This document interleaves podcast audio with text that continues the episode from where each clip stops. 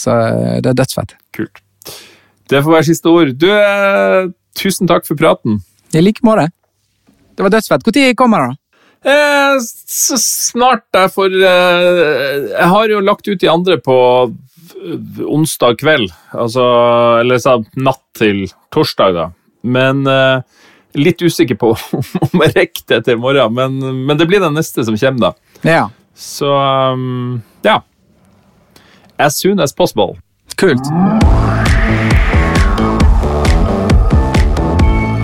Ja, det er tre uker siden det her ble tatt opp, og beklager at det tok altfor lang tid før denne episoden kom ut. Men mitt navn er altså Ole Henrik Antonsen, og du hører på episode 24 av Bak spakene, podkasten om produsenter, teknikere og låtskrivere. Stemmen du hørte i tillegg til min i introen, tilhører Mathias Telles, og du skal snart få bli bedre kjent med han. Men først så vil jeg si at grunnen til at det tok noen uker siden forrige episode nå, det er min dayjob, som er som styreleder i NOPA. Jeg er også styremedlem i Tono, og 8. juni er et digitalt årsmøte i Tono. Der vil eh, NOPA foreslå to vedtektsendringer som vil gjøre Tono mer demokratisk dersom de går igjennom.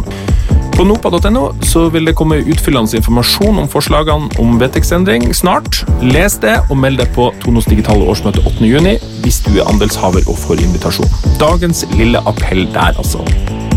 Så, Bakspakene lages i samarbeid med Benum, som importerer Universal Audio. Du har allerede hørt mye om Apollo i denne sesongen av Bakspakene, og mer skal det bli. For det er lydkortene som dekker hele spekteret fra lille Apollo Solo med to mic preamper til Apollo X16 som er en fullblods proff konverter til de største studioene, har blitt svært populær de siste årene. Grunnen til at Apollo blir favoritter for mange, er lydkvaliteten, og at de har akkurat de praktiske funksjonene som du faktisk trenger. Ikke minst muligheten for å farge signalet på tur inn, uten bruk av ekstern outboard og helt uten latency. Det er kombinert med UAD-plugins og Unison preamps, som mange med meg mener er de feiteste og beste pluginene på markedet, gir et uslåelig system. På benum.no kan du lese mer om de ulike Apollo-boksene og UAD Satellite, som du kan skaffe deg om du bare vil kjøre UAD-plugins. Jeg har en eh, Satellite Octo både hjemme og i studio, og det kan jeg anbefale på det varmeste.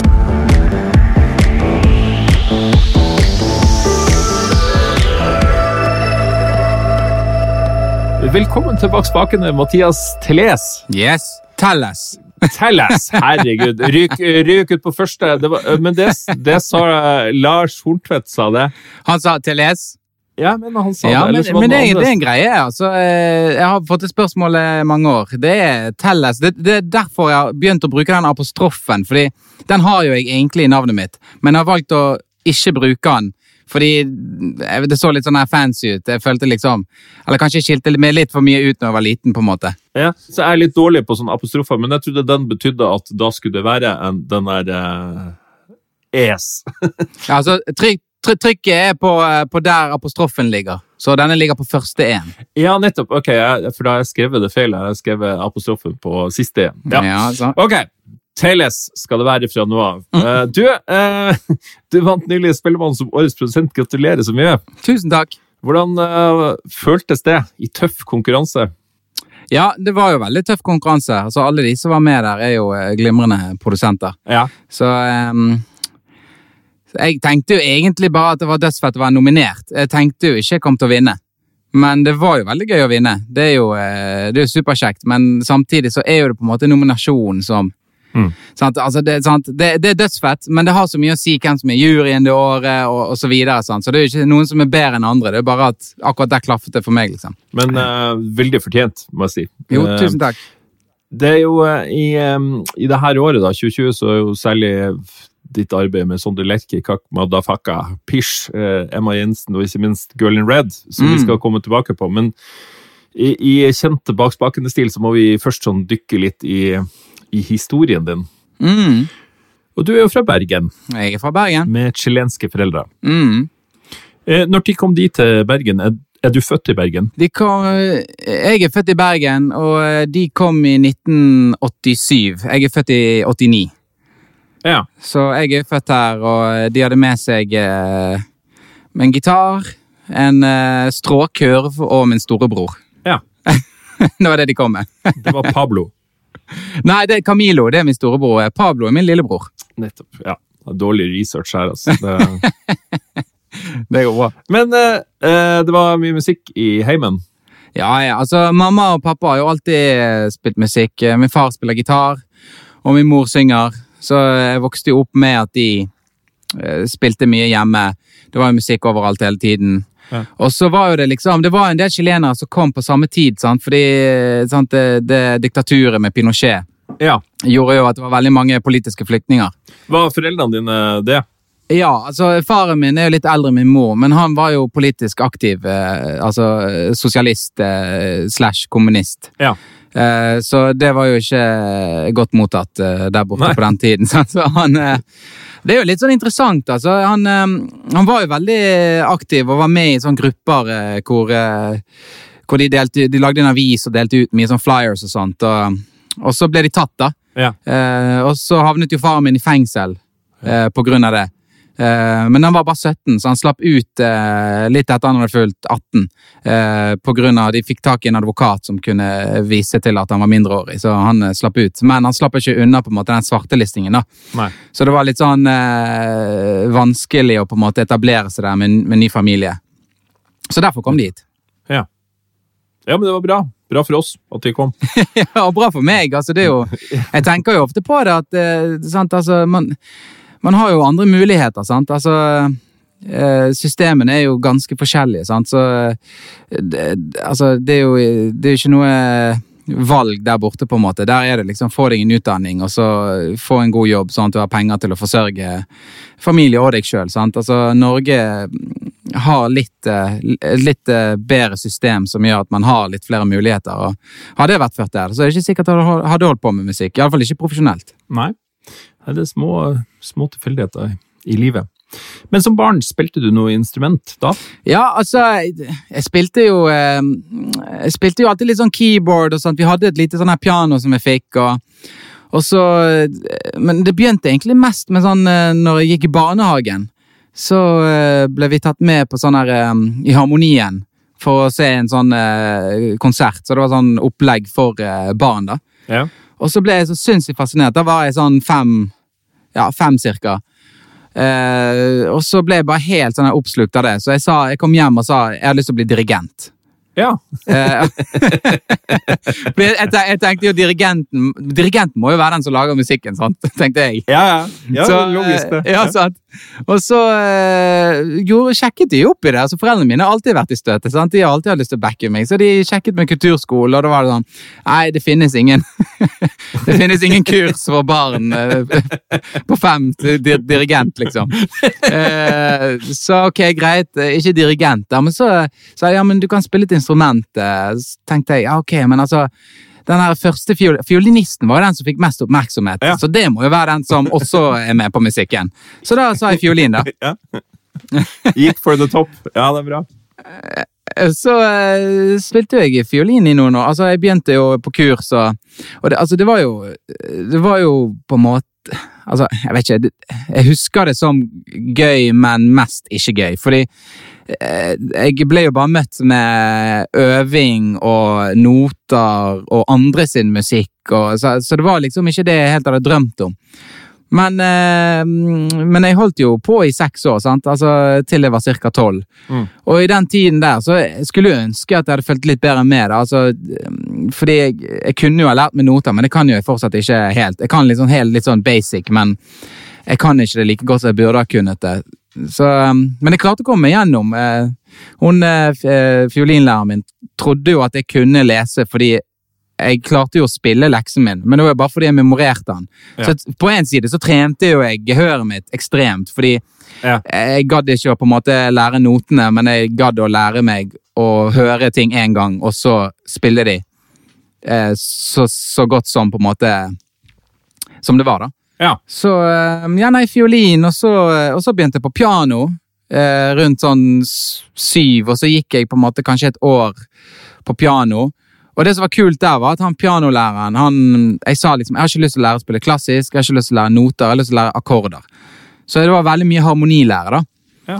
Eh, som er, jo er veldig brukbart når du skal eh, komponere musikk. For den musikken jeg hadde lyst til å lage.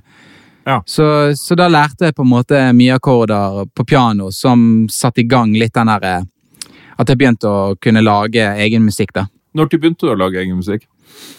Nei, altså Jeg, jeg, jeg har jo noen sånne kassettopptak av liksom at jeg bare klimprer ting. liksom, altså Improviserer eller spiller liksom ting som jeg lagde fra når jeg var sånn sikkert åtte.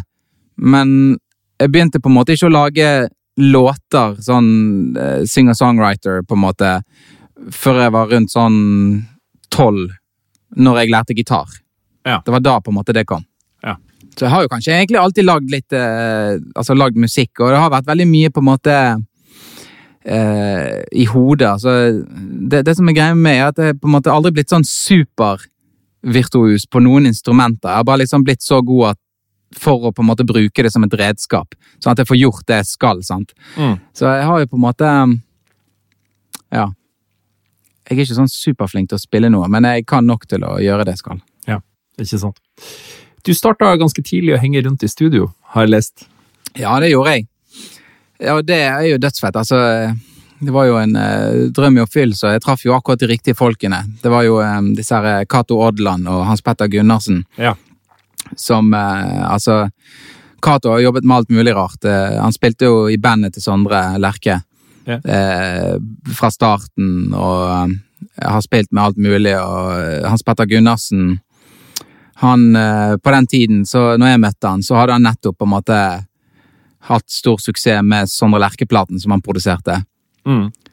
Eh, og ja, Real Ones og eh, Madrugada og en haug med ting. Ja. Så han var jo veldig støtet. Så de, de tok meg inn under vingene. Eh, på en veldig sånn tilfeldig måte, egentlig. Altså, det er jo rart med de tilfeldige tilfeldigene. Det, altså, det, ting klaffer, på en måte. Når det klaffer. Mm. Hvor gammel var du når du begynte å henge ut hos dem? Nei, jeg var vel eh, nettopp fylt 13. Ja. Eh, Så jeg var jo ganske ung. altså Det, det er egentlig ganske kult, fordi vi hadde en sivilarbeider på skolen som eh, motiv var ekstremt motiverende. Han, eh, han eh, så at jeg liksom lagde litt musikk og sånt, og ble skikkelig giret til det. Han var musiker, han òg. Ja.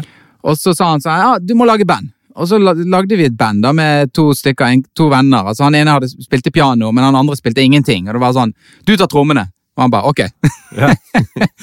og så lærte han seg en beat, liksom, og så eh, fikk han oss til å lage et band, da. Og så bare eh, sa han dere er nødt til å melde dere på den der eh, Eggstokkfestivalen. Ja. Som, ja, for de som ikke kjenner til den, så er jo det en sånn festival for up and coming band som har holdt på i Bergen jeg vet ikke jeg hvor lenge. altså før, Kanskje før jeg ble født. Ja. Eh, så, så vi meldte oss på der. Solgte vafler for å betale for eh, påmeldingen. Ja.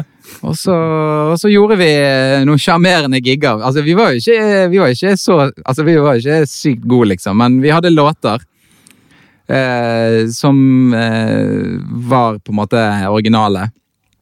Og så var jo vi 12 og 13, så det var jo ganske sjarmerende. det er ganske kult. Ja, det var dødsgøy, altså. Det var det. Du var ganske ung når du spilte på Bylarm og Øya første gang også, var det ikke det? Jo, jo, altså, det, altså ting skjedde jo ganske fort etter det. sant? Fordi plutselig så var jo med Cato og Hans Petter som hadde hørt en demo vi hadde spilt inn etter denne greien der. Og så hooket de meg opp med Bylarm, og så kom jeg med der. Og så på Bylarm så ble jeg booket til Øya. Så jeg var vel, alt det der skjedde jo mellom jeg var 13 og 14-15, kanskje. Nå, nå har ikke jeg tallene helt i hodet, men jeg, jeg lurer på om jeg kanskje var sånn 15 når jeg spilte på Øya og på Byla. Det stemmer nok, det. 14-15, kanskje. ja. Det er kult. Jeg visste ikke hva det var engang. Jeg husker, jeg husker eh, det er noen som har vist meg i ettertid. Det er et slags intervju jeg gjorde med, med NRK, hvor de spør meg sånn Uh, altså Jeg hadde ikke peiling på hva Byland var, sånn, så de var jo helt sånn Ja, hvordan føles det å, å spille på Byland? Du er jo eh, kanskje han yngste som noen gang har fått spille på Bylarm, og nåløyet er trangt. Eh, Så jeg Ja, nei, jeg vet liksom ikke helt hva Bylarm er, men det er gøy å spille. Veldig bra. Ja, det er nydelig. Eh, og så ble det um, soloalbum etter hvert. Ja. Jeg spilte jo inn, altså De var jo helt sykt eh, greie med meg. sant? Altså De pushet meg ikke på noe, Cato og Hans Petter. De, de pushet meg bare på å uh, lage musikk og spille inn musikk. Ja. Så uh, jeg har jo eh, Eh, Hvem betalte for deg? Hvordan gjorde de det? Lot de det bare holde på, eller? Altså, det, de, de tok jo ikke ut noe penger.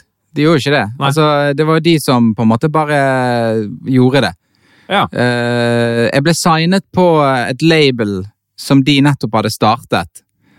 Eh, så det var jo på en måte kanskje del av liksom Altså innsatsen de la inn, var en del av på en måte eh, noe som kanskje ville vært et eh, forskudd, på en måte. Mm. Men det var jo et lite label, sant. Eh, Ja. Men de lot meg bare styre på, så jeg spilte jo inn type sånn tre plater som mellom på en måte 13 og 18 som ikke kom ut, men som hvor deler av det ble min første EP. Og så senere ble kanskje en eller to av de låtene med på første soloplaten min. Ja. Men uh, altså, dedikerte jo ekstremt mye tid, og jeg fikk jo, jeg fikk jo lov til å henge der når jeg ikke spilte inn. Og jeg husker jeg var innom når Hvem var det som var der? Jeg tror det var Tweeter Friendly Music. altså Et sånn Ja. band sammen med Yngve Sætre, Håpe og, eh, og han er Kjartan Kristiansen. DumDum. dum. Ja. Ja, fra DumDum Boys. Så jeg husker jeg eh, hang der et par dager når de var der, og så med Kjartan Kristiansen og hele denne gjengen, liksom. Og Jeg, synes, jeg var bare flue på veggen. Jeg bare liksom hang og så. Så de var jo ganske kule på den måten at eh, jeg fikk jo lære veldig mye av å bare se på.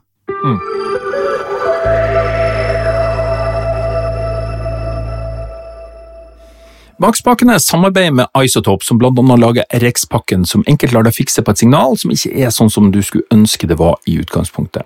I RX8 så finner du blant annet D-Reverb, som har blitt en favoritt for meg i det siste. I forrige episode så gjorde jeg en liten demo av den her, som jeg var så godt fornøyd med at jeg skal koste på med en reprise av den. Ok, da er jeg ute på gangen. Her er det ganske greit med klang. Så slår jeg inn D-Reverb. Da blir det sånn. Ganske god effekt, spør du meg. Hvis det klikker litt, så er det fordi at eh, jeg slår inn bypassen. På isotope.com så finner du alltid mange gode tilbud. Akkurat når det her spilles inn, så er det f.eks. ekstra gode tilbud på klangene fra Exponential Audio, R2, R4 og Nimbus. Husk at du alltid får 10% ekstra, også på allerede gode tilbud, ved å benytte kodeordet bakspakene10 når du går til checkout på isotope.com. Spre gjerne det glade budskap til alle du kjenner. Bak spakene 10 på isotop.com gir 10% rabatt, enten det er ordinære priser eller tilbud.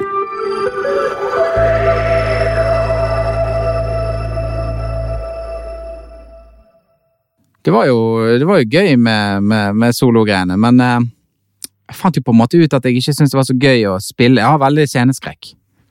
Ja. Eh, på mine egne ting, da. Ikke når jeg spiller med andre, men eh, med mine egne ting, så blir jeg eh, Ja, blir sykt stresset. Det er mange som kjenner på den. Ja. Men da starta du band. Ja, sant. Altså, jeg gjorde denne soloplaten, og så vant jo jeg Urørt eh, i 2008. Ja, det gjorde du også. Jeg kom egentlig på andreplass, tror jeg, med publikumsstemmene, men så hadde jo jurystemmene noe å si òg. Ja. Så akkurat på tampen så ble jeg vippet opp av, faktisk av eh, Anne Brun. Så eh, jeg kan takke Anne Brun for, eh, for kanskje sikkert mye av den der farten jeg fikk i karrieren min. Det var jo på en måte etter det at folk fikk skikkelig med seg på en måte Altså, jeg har et inntrykk av at musikkmiljøet visste på en måte hvem jeg var, sant? Mm. Eh, men at kanskje ikke det store på en måte for, Altså folket som lyttere, da. Eh, men det var på en måte etter Urørt at jeg virkelig eh, ble på en måte At folk visste hvem jeg var, og ja, jeg begynte å selge plater, og, og eh, jeg ble listet på radio og sånt. Ja, ikke sant? Urørt var jo stort på den tida der. Det var jo virkelig noe som ble lagt merke til. Ja, absolutt. Altså, det var jo, eh, det var jo TV-produksjon, og Mm. eh, det, det føltes jo kanskje litt sånn som eh, P3 Gull er nå, da, kanskje. Ja. Noe lignende. Så Mm. det, var jo, det var en stor greie. Altså, det var jo eh, Det var ordentlig. Mm. Fett. Så, så, det, så det var jo dødsfett. Men så, jeg, så ble jeg signet med Sony etter, eh, etter denne urørte eh, greien.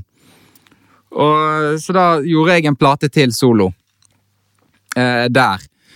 Og så på tredje De hadde jo vel opsjonen på en tredje. Og da hadde jeg på en måte kommet i gang med å bygge mitt eget studio. Og hadde begynt å liksom eh, lage demoer til en ny soloplate, egentlig. Som, som faktisk er de første Young Dreams-låtene, på en måte. Ja. Altså, De første Young Dreams-låtene var egentlig noen sololåter.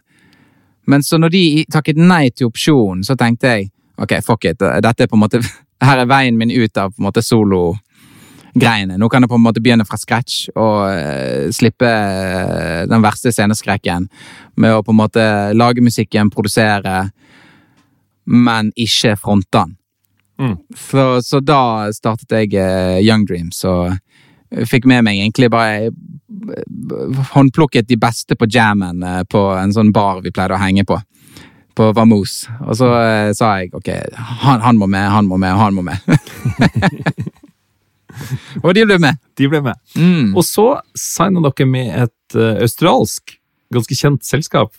Ja, altså Vi, vi signet med Modular. Altså, det var jo litt gøy, det der, fordi eh, jeg hadde jo veldig sånn driv eh, når jeg begynte på de nye greiene, og jeg ble veldig opptatt på en måte av det visuelle og liksom hele pakken. Så jeg husker når vi la ut de to første låtene, så var jeg veldig nøye på at vi skulle ha liksom det visuelle uttrykket veldig sånn her på stell, og vi skulle slippe det. Jeg har regnet ut sånn cirka jeg, jeg fulgte med i to uker på liksom chatten min på Facebook for å se når de fleste var pålogget. Ja, ok. Så jeg gjorde på en måte litt sånn her PR-strategi, på en måte. Bare helt sånn på egen hånd, da. Ja. Og så fant jeg ut sånn her, ok, det er liksom klokke, på søndag, eh, litt sånn eh, rett før middagstid, så er de fleste liksom eh, logget på, ser det ut som. Ja. Så da postet vi på en måte eh, to låter på rappen eh, via Det var vel kanskje Soundcloud som var greien på den tiden. Eh, via Soundcloud, og så ble det skikkelig på en måte spredt. Og så eh, var det sikkert noen sånn fans som var litt sånn connected, eller folk som likte det, sendte det rundt til noen blogger og sånt, og så begynte blogger å skrive om det, og så plutselig var vi på sånn herre hype machine-topp og Ja. Eh, og bare sånn plutselig utrolig masse blogger som skulle skrive, og obskure små radiostasjoner rundt om i verden som spilte det.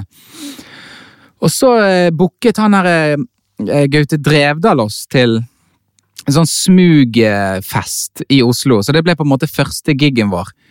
Og det var en fest han hadde sammen med Modular. Fordi Modulars kom, eh, hadde et band på, på turné, et australsk band. Eh, og så spilte de samme kveld som oss, og vi varmet på en måte opp for de da. Og de fikk med seg giggen, og så når de dro tilbake til Australia, så uh, sa de Guys, you gotta sign this crazy band from Norway.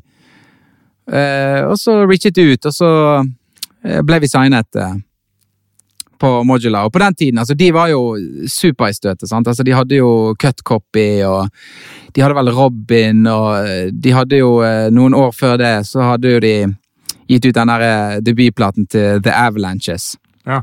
som uh, tok helt av. Så de var jo skikkelig i støtet. De hadde signet masse bra greier, og, og så signet de oss, og så signet de Tame Impala samtidig. Ja. Så det var utrolig gøy. Altså, det var jo eh, Det var jo dødsfett å være på et sånn eh, superhipt eh, utenlandsk label. Det var en litt sånn triumf, fordi jeg føler liksom på den tiden så var det ikke så vanlig at liksom norske band ble signet Nei. til sånne kredible utenlandske selskap. Altså, jeg, jeg tror kanskje du hadde liksom Serena Manesh som hadde signet til 4AD, Ja. og så hadde du Whitest Boy Alive som var signet på Modular, faktisk, på den tiden. Men utenom det så var det liksom ikke så mye, så vi følte jo skikkelig sånn her Ja, shit, vi, vi er liksom del av en greie i utlandet som ikke så veldig mange kan være del av, da. Mm. Så vi følte oss veldig sånn privilegerte. Men var dere nå ute og turnerte, da, med det? Ja, vi turnerte, vi turnerte ganske mye. Det var jo litt stress, sant? fordi vi var jo Altså På det meste så var jo vi tolv stykker på scenen, sant.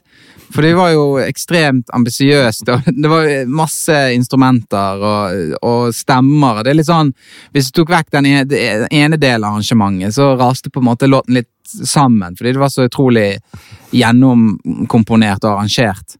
Ja. Så man trengte eh, mye folk. Men når vi skulle på turné, så kunne jo ikke vi dra tolv. det var det som satt litt stopper for at vi ikke kom i gang med turneringen med en gang, for de måtte løse på en måte hvordan kan vi lage en ni-person-versjon av dette, for eksempel, eller åtte. Men vi turnerte en del, eh, og blant annet eh, største turen vi gjorde, var kanskje med Tame Impala, når, når de på en måte kom med andreplaten sin. Og eh, begynte å slå skikkelig gjennom. Altså, vi måtte jo bytte venues til større venues underveis i, i turneen, fordi de, det var så demand for billetter, sant. Eh, så det var jo veldig gøy. Det var en hel sånn europatur, og vi dro jo mye til Vi dro, dro til Asia og gjorde en del greier. Det gjorde vi alene, og med Sondre Lerche. Ja. Dro på turné med Sondre Lerche òg. Jeg tror kanskje det var første turneen vi gjorde. Europaturneen, hvor vi varmet opp for Sondre.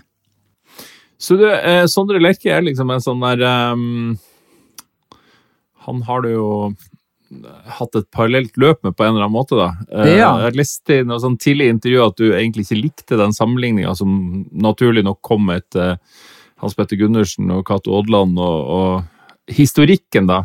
Ja, altså det var jo, altså Sondre har vært en sånn link egentlig hele veien. Altså eh, Helt faktisk fra barnes, altså ungdomsskolen, faktisk. Fordi han var innom skolen vår i musikktimen og spilte og skulle snakke om på en måte det å skrive låter og sånn, fordi eh, ja, en av musikklærerne hadde spilt i band med han før. Ja. Så, og han var jo kanskje en av de første som hørte oss spille, eller hørte låtene mine.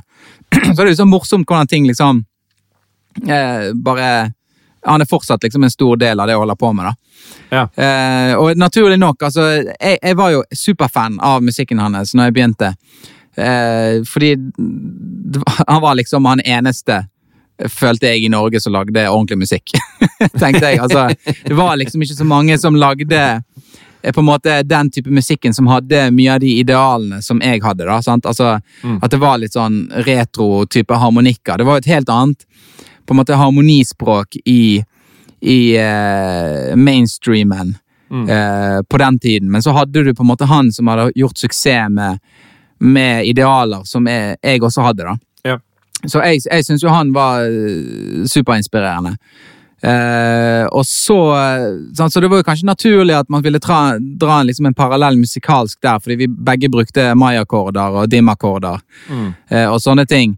Men jeg følte det var litt sånn her urettferdig, fordi for meg falt jo det helt naturlig, fordi søramerikansk musikk er jo liksom fylt av Maya-akkorder og dim-akkorder. Ja. Så for meg var det jo helt naturlig på en måte å ta det inn i musikken, men fordi jeg bodde i Norge, og det var egentlig bare han som brukte det på den måten, så var jo den naturlige sammenligningen eh, han, da.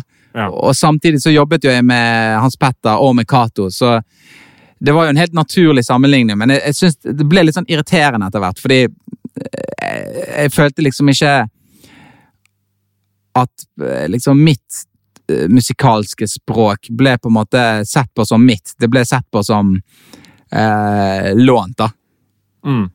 Eh, så jeg syns jo det var liksom eh, irriterende i lengden. Ja. Det er jo litt sånn media sitt behov for å forenkle og sette ting i bås også, som jeg skjønner veldig godt er irriterende. Ja, det, det, det men jeg skjønner det òg. Altså det, det er jo for at eh, folk skal vite cirka eh, Altså lage seg et slags bilde av hva det er. Sant? Den enkleste måten å formidle det på, er jo på en måte å sammenligne det med noe. Ja da. Eh, men jeg syns det er litt billig. Det, har alltid reagert litt på liksom, med journalister Mm. og musikkskribenter. Så de beste klarer å, å eh, beskrive musikken uten for mange sammenligninger. Men den billigste måten å gjøre det på, er å sammenligne. Ja. Og det er jo klart at alle altså Du kan jo linke alt til alt hvis du vil. Altså eh, Ja, du kan, du kan på en måte linke Young Dreams-harmonien, vokalharmoniene, til Beach Boys. Mm. Sant? De er de mest kjente for det, men så eh, Beach Boys stjal jo det rett fra Four Freshmans. Mm. Sant? Og Four Freshmans stjal det igjen fra eh, liksom storband blåsearrangementer som bare ble gjort med stemmer. Ja. Og de blåsearrangementene ble kanskje inspirert av Tsjajkovskij Tchaikovsky igjen, som Tchaikovsky ble inspirert av Mozart igjen. Så, altså, Mm. så du kan jo tracke alt tilbake. Uansett. Mm. Så det er ikke sånn at noe er noens, eh, selv om eh, man kan på en måte eh, nevne likhetstrekk, da. Mm. Men likhetstrekk eller ikke, Sondre Lerche har fulgt deg hele veien. og det er også en av grunnene til at du vant nå nettopp da Spellemann som årets produsent i fjor. Mm. Ja, altså, og, og faktisk eh, at han eh, Altså, du kan jo si at på mange måter så var jo litt han òg som skjøt litt fart i på en måte eh, eh, produksjonene mine, fordi eh, Han var på en måte den første ut, litt sånn utenfor de liksom lokale eh, og folk jeg kjente som jeg produserte. sant? Altså, Jeg produserte liksom litt Kak Madafaka fordi vi bygget studio sammen, og vi var venner. Eh, sant? Eh, og så var det Razika, eh, som var førsteplaten jeg produserte, og det var jo fordi vi hang liksom litt i samme miljø, og lillebroren min var kjæreste med hun ene i Razika. Ja.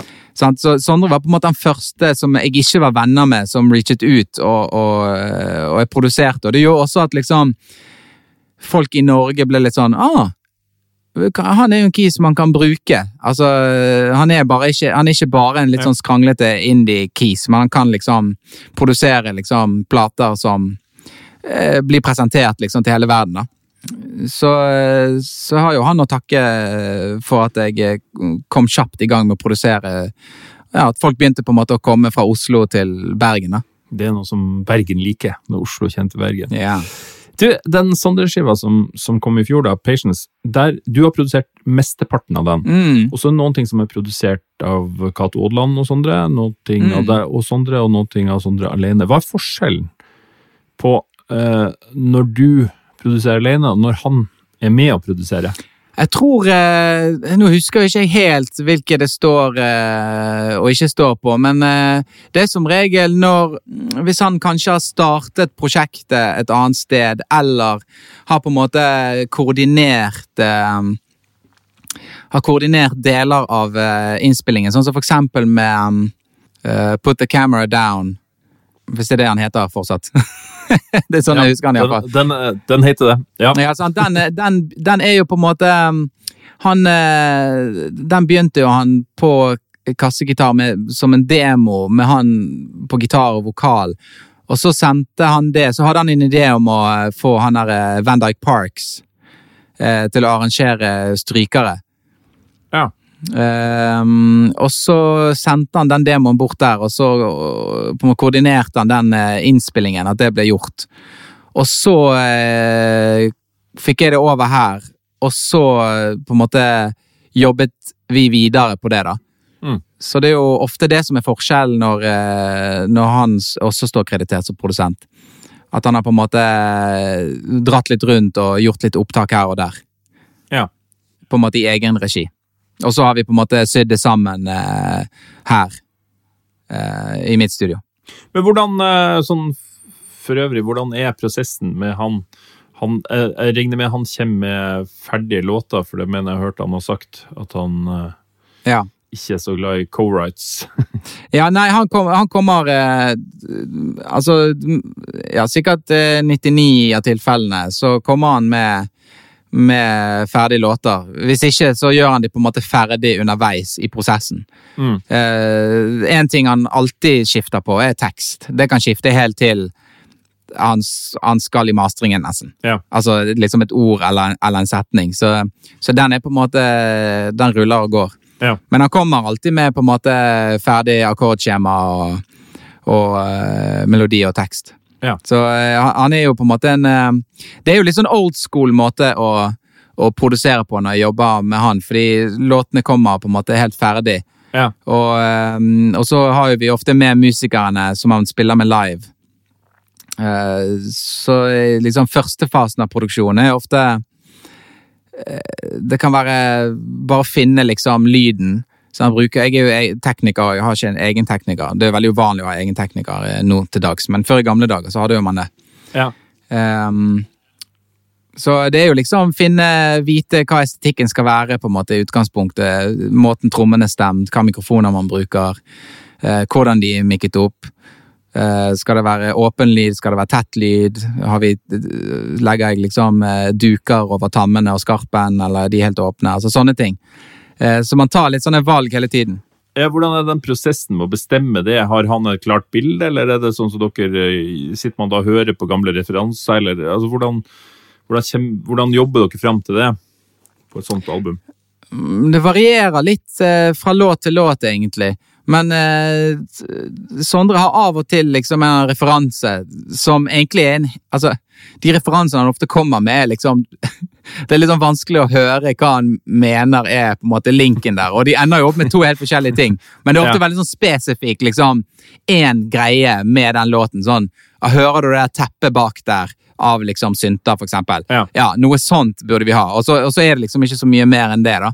Nei. Ehm, eller liksom eh, litt sånn ja, litt sånn crispy, litt sånn Sash Gainsbourg-type trommer. Og så, eh, ja, så stoler han på at jeg liksom catcher det, da. Ja. Men det varierer jo litt, da. Altså, eh, av og til så kommer han bare med låten, og så Og tempo, kanskje, og liksom Jeg har lyst til at denne skal være liksom litt sånn rolig eh, og mørk og farlig og Ja. I bilder, på en måte, da.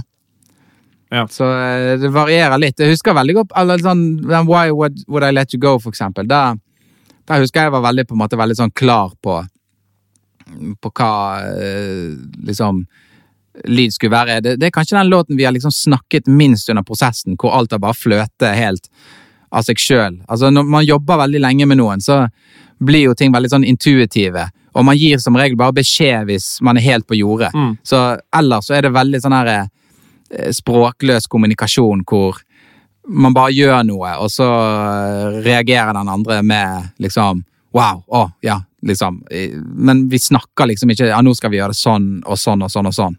Mm. Det bare på en måte flyter, da. Ja. Og jeg føler liksom den, den var veldig sånn eh, Flyt, på en måte, da. Ja, ikke sant. Eh, på det albumet, hvis, hvis det, det er også en sound som er litt typisk deg, da, men um, det er litt retro, det er organisk, det er bongos, mye delay, og strykene er litt sånn Det høres ut som samples. Er det det? Ja, altså Spør jeg vanskelig nå? det, Nei, nei, nei. Altså, det er helt uh, fair, det. Nei, jeg eh, Det er litt forskjellig. Litt Litt samplet. eh, litt eh, Jeg bruker noe som heter Spitfire, som er liksom Ja. Ja, det, det er helt eh, fantastisk VST-er, og jeg er blitt eh, jævlig proff liksom på, på å programmere det, da. Mm. Eh, så det låter jo ofte ganske autentisk. Eh, Jeg, eh, jeg også dubber gjerne det med eh, melotronstryk. Ja. Eh, og så på en måte jobber jeg mye med på en måte automasjon for å få liksom bevegelse. Ja.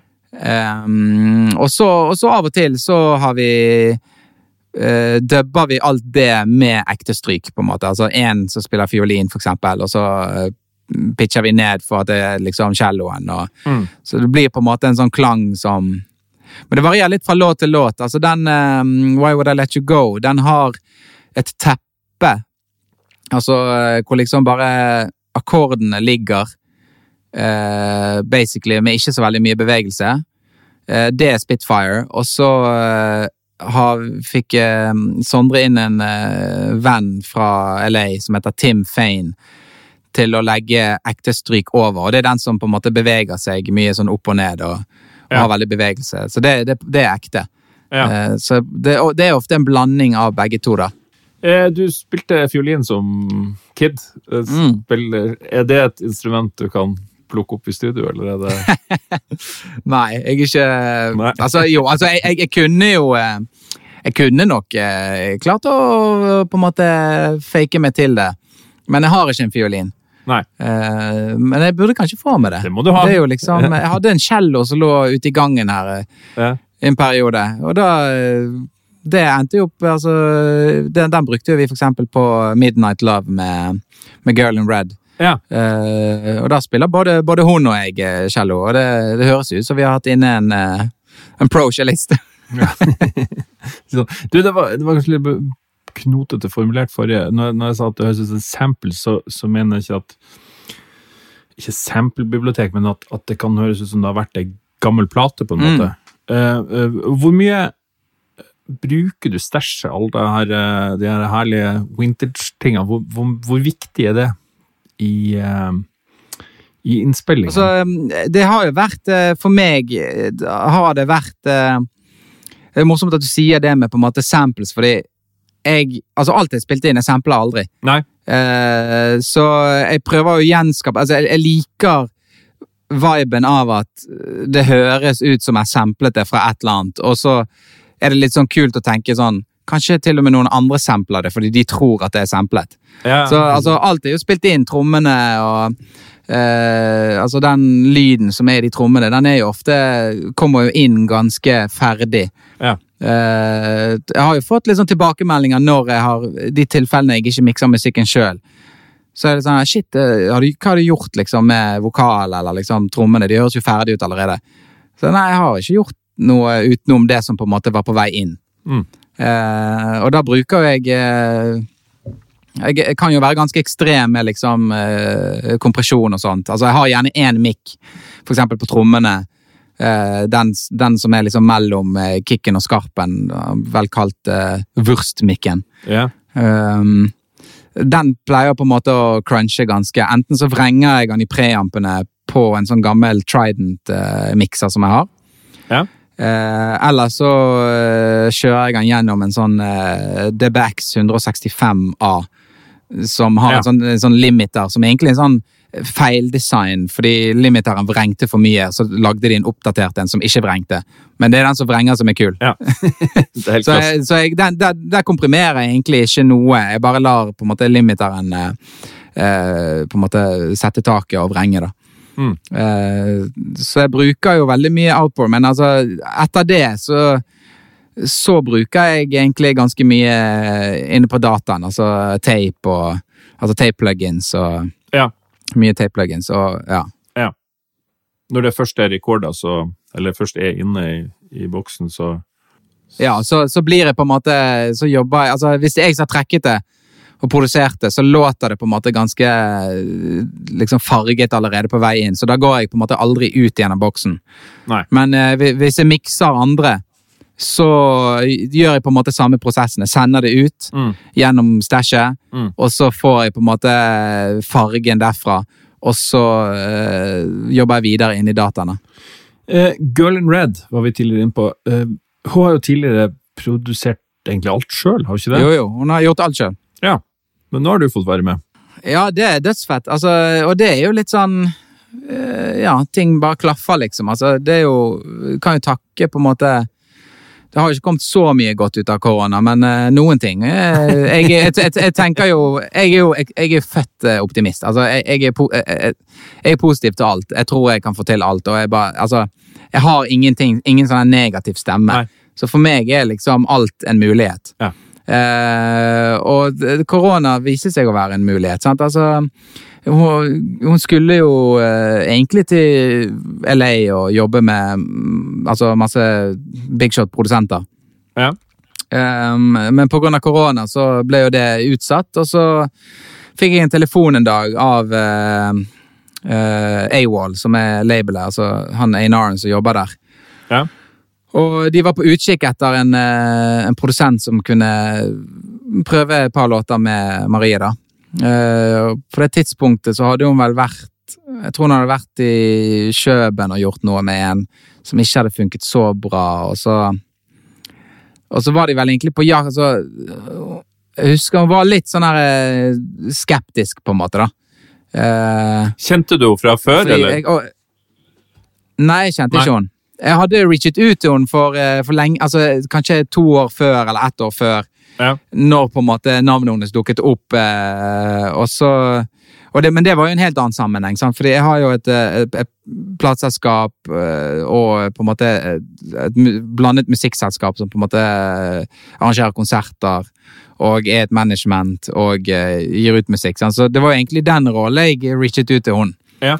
Eh, men det var bare en veldig kort kontakt, og så hadde hun på en måte fulgt team eh, plutselig.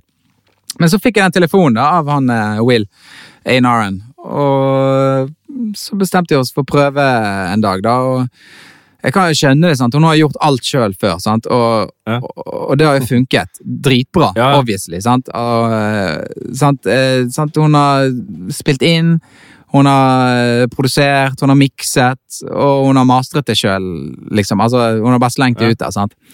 Så at det skal komme inn noen andre, så jeg skjønner at det er Altså, jeg forstår henne, fordi jeg er jo litt sånn som hun òg. Altså, jeg liker å gjøre alt sjøl. Ja. Så, så vi satte oss ned, og så begynte vi å eh, jobbe ut den der eh, Midnight Love. Det var første låten vi gjorde. Og så klaffet det. sant? Altså, det funket veldig bra. Og jeg tror det er jo litt sånn jeg tror det er en kombinasjon av at uh, vi, vi hittet off som mennesker, altså personlig, og på, på humoren. Altså, vi har det jævlig gøy. sant? Vi ler jo hele tiden. Det er jo på en måte bare gøy. Uh, ja. Og så og på en måte det at jeg har forståelse for å gi hun den plassen hun trenger. Som produsent og som låtskriver og artist. Uh, mm. Jeg kom jo ikke inn og dikterte noe. Sant? Jeg sa ikke liksom nå skal vi gjøre det sånn, og nå skal vi gjøre det sånn. Alt var på en måte eh, forslag. Mm. Eh, hva med å få inn liksom denne celloen som er i gangen? sant? Og så uh, fikk hun spille, for eksempel. Altså, jeg tok ikke celloen og begynte å spille og viste hvordan jeg, jeg, mer, jeg, var mer interessert i å høre hva kan hun få ut av på en måte utfordringene jeg gir hun. Fordi hun er jo helt åpenbart eh, helt genial på å finne sine egne løsninger på alt. Uh, mm. og, og, og, litt sånn på samme måte som meg, så er jo ikke hun en sånn helt sinnssyk instrumentalist men hun får til det hun trenger å få til. Og derav kanskje lager liksom riff og lyder som er liksom annerledes. Så jeg ga et celloen til henne, og så bare klimpet hun på han, og så syntes det var jævlig gøy. Og så satte hun opp en mic, liksom, og så spilte hun noen linjer og riff over det, over låten, og så og så øh, ble det dødsfett. Og så lekte jeg med det klippet og loopet og samplet, på en måte, resamplet øh, celloen og sånt, og brukte det utover låten. Ja. Så den prosessen der, at på en måte hun fikk all den plassen hun trengte Og så syns jeg det var dødsgøy òg, fordi jeg fikk nye utfordringer. sant? Ja. Uh, så det, det, klaffet bare. Og så ble jo det på en måte bare med at når hun dro herfra, så sa hun sånn jeg får ikke, får ikke USA, altså om jeg får reise eller ikke. Det, det spiller ingen rolle. Vi, vi, gjør det i Bergen. Altså, etter den dagen så bare sa hun at vi, nå gjør du og jeg platen sammen. Eh, ja. Det blir dødsfette. Og så gjorde vi det, da. Kult. Eh, det er en låt dere har med en ganske kjent koprodusent på også. Mm. Phineas. Phineas ja, han, eh, han joinet jo altså, Det som er litt kult, altså den låten der, den var jo nødt, fordi Ja, nei, altså, Finnies, han eh, Han kom med på et tidspunkt hvor vi hadde gitt denne låten så mange sjanser. Altså, vi visste at denne låten var dødsbra, men vi hadde sånn Jeg tror vi var oppe i versjon tolv av låten, hvor alle de tolv versjonene er liksom variasjoner av tre på en måte konkrete stilretninger. da. Og eh, den ene var liksom en helt reinnspilling, altså ikke basert på liksom demoen hennes. Eh, den andre var basert på demoen hennes, men refrenget var liksom helt nedpå. Eh, og så den tredje versjonen, som er likere den vi endte opp med, da. og vi hadde jo på en måte litt gitt den opp, men, men han Einaren, da han la han på en måte, han, Vi kan ikke gi opp denne låten der. Og så sa han sånn, men hva med vi liksom får inn liksom en eller annen som kan bare komme med et nytt perspektiv og liksom utenifra. Vi var litt skeptiske til det, begge to. Da har du to som liker å gjøre alt. Eh. Eh, så begge var litt sånn, ja eh, Litt sånn trust issues på begge. Eh, ja, men hvem da? Det må liksom være en eller annen vi, kan, vi, vi syns gjør fete ting, da. Og så uh, foreslo han uh, Phineas, da, fordi de er på samme label. Ja. Uh, og så visste han at, uh, at Phineas var fan av Marie fra før av. Ja. så da bare um, sendte han låten, og så digget han det. Og så hadde han litt input, og så sendte jeg alle sporene til han. Og så eh, lekte han med det, og så sendte han masse tilbake. Og så lekte vi videre med på en måte det han hadde sendt oss, og valgte ut liksom de kule tingene og sånt. Så eh, fikk han eh, det vi hadde gjort tilbake, og så la han på litt ekstra greier. Og så fikk vi det tilbake, og så lekte vi med det, og så var plutselig låten reddet. Ja. Så den prosessen var egentlig ganske Egentlig ganske smertefri når vi først på en måte Jeg husker det var veldig sånn eureka når vi fikk uh, filene tilbake. Ja.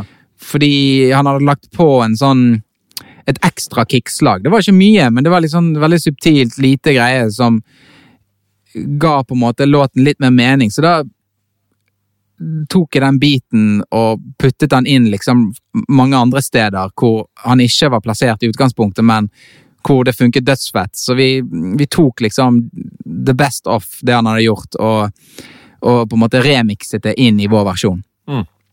Uh, og så var låten gjort, og det Vi trodde jo aldri vi skulle bli ferdig med den. Altså, vi, husker vi, vi sa til hverandre sånn her Tenk når denne låten her er ferdig, tenk når den er ute. Tenk om vi får det til. og så fikk vi det til, da. Ja. Veldig sånn uh, kreativ eh, eh, triumf, ja. rett og slett. Blir det noe mer samarbeid med han? Nei, ikke foreløpig. Uh, men you never know. Kanskje neste gang vi sitter fast. Da er det bare å ringe. ja. Eh, hvordan eh, vil du beskrive deg sjøl som produsent? Altså, har du tenkt noe på det?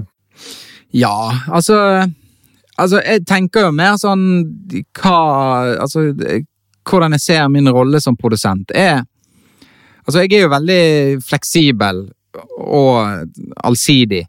Og for meg har det alle Altså, det viktigste man må legge fra seg, er egoet.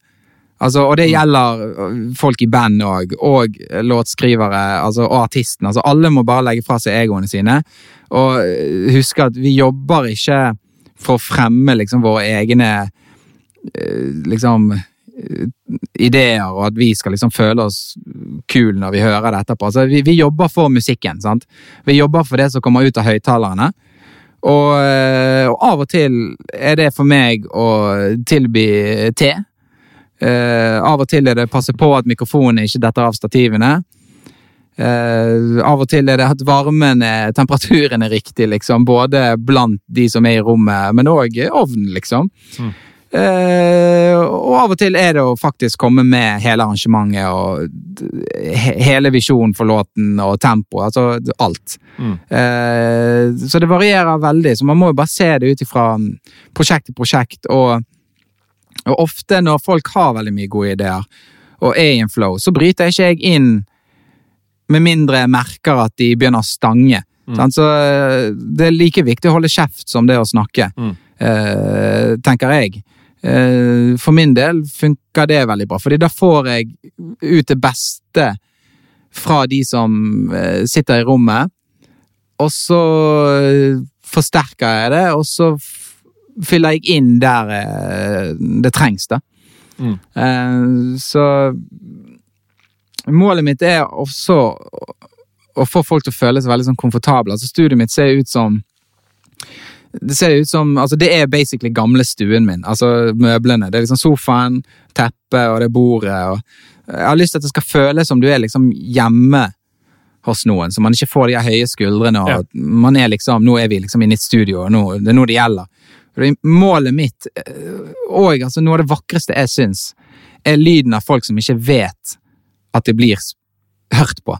Altså denne lyden av at du sitter alene på rommet og bare gjør eh, er helt naturlig, uten at du skal show off eller imponere noen eller tenke på noe. Det er på en måte det er den fineste lyden. Mm. Og det prøver jeg alltid å få til. Det er ikke et oppstilt bilde, liksom. Mm.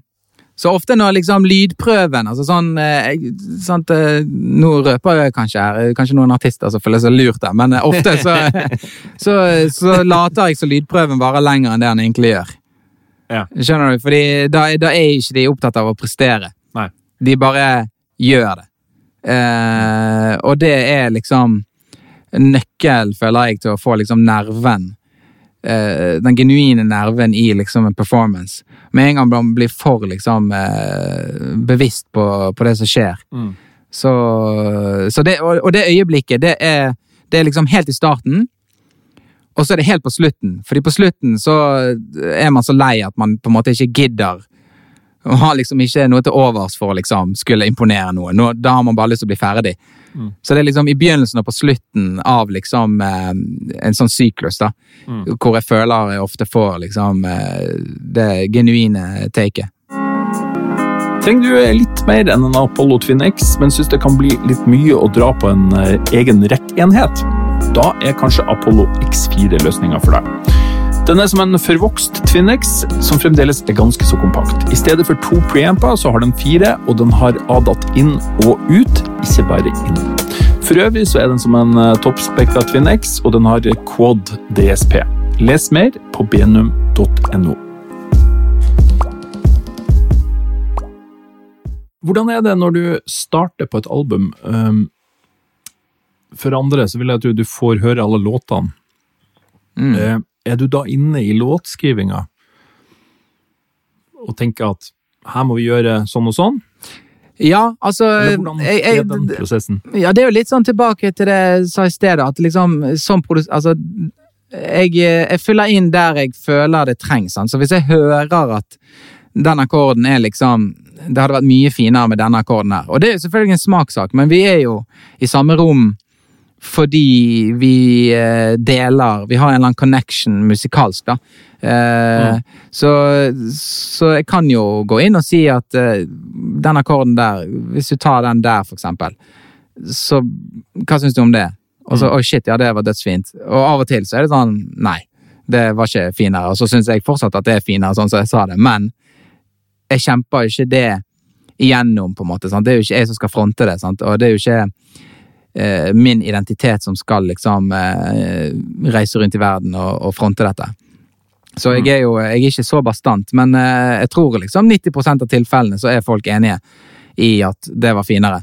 Eh, Så jeg går jo inn der det trengs, og hvis det er et eller annet ord som er liksom corny, eller et eller annet som ikke eh, er kult, så, så sier jo jeg eh, Greien er at det ofte gir folk muligheten å fikse det sjøl, før jeg kommer med på en måte mitt forslag.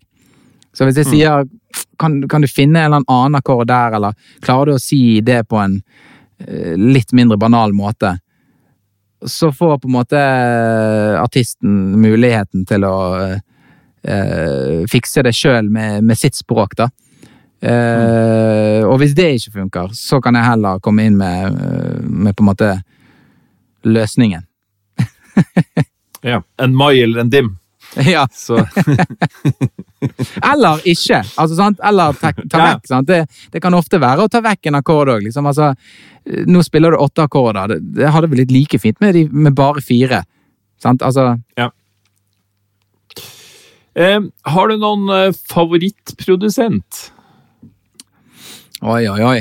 Jeg fikk det der spørsmålet eh, i går òg av eh, Ja. Noen som skulle skrive sånn her eh, Ja, en sånn bio, et eller annet. Ja. Og så og Jeg syns det var utrolig vanskelig, fordi det er jo sinnssykt mange, men for meg så er det liksom eh, Fordi jeg eh, Når jeg produserer, så er jeg, altså, jeg er veldig opptatt av arrangement og Altså, Noen produsenter får jo inn arrangører, f.eks. på stryker eller blåser, eller hvis det er noe spesifikt. sant? Altså, men jeg er liksom like begeistret for liksom bandledere eh, som på en måte eh, produsenter.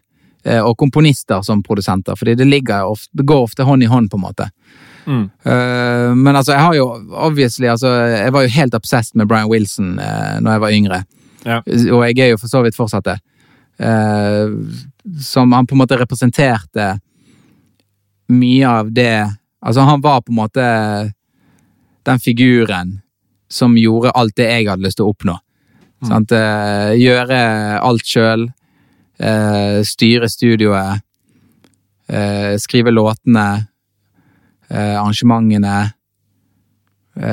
Samtidig være liksom kunstneristisk banebrytende Mm. og eksperimentell, samtidig som du er en del av samtiden din. Altså, det var det Brian Wilson gjorde så bra med Pet Sounds, var at han klarte å lage noe som var veldig i tiden, Mm. eh, men samtidig dro inn eh, jeg mange andre uttrykk. Altså glemte uttrykk, men òg noen uttrykk som på en måte var eh, familiære, men aldri på en måte blandet på den måten. Så det er jo på en måte idealet mitt som produsent, å lage noe som er nyskapende, eh, utfordrende, eh, men samtidig være tilgjengelig, da. Mm.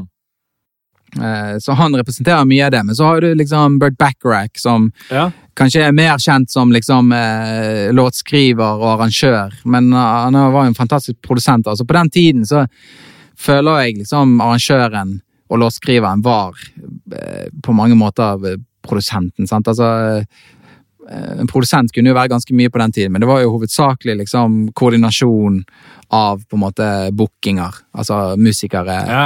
sant? Og, og teknikere. Du, det er ganske kult at du nevner han, da. fordi at eh, jeg, jeg satt og bare seppa gjennom de tingene som du har gjort det siste året i går. og det så det var en sånn feeling, jeg tenkte faen, nå er jeg tilbake, det, og det er litt rart, du er født i 1989, um, eh, men jeg er tilbake liksom i baksetet på den gamle Citroengen vi hadde i, i 1980-1981, og da var det veldig mye sånn Burt Backrack, eh, ELO, Mm. Jeff Lynn, Olivia Newton-John, eh, som Jeff Mm, Lynn har ja. produsert, Ab ABBA, Nile Rogers altså, eh, det, det, det er veldig mye Ja. av det som jeg hører i din musikk, da.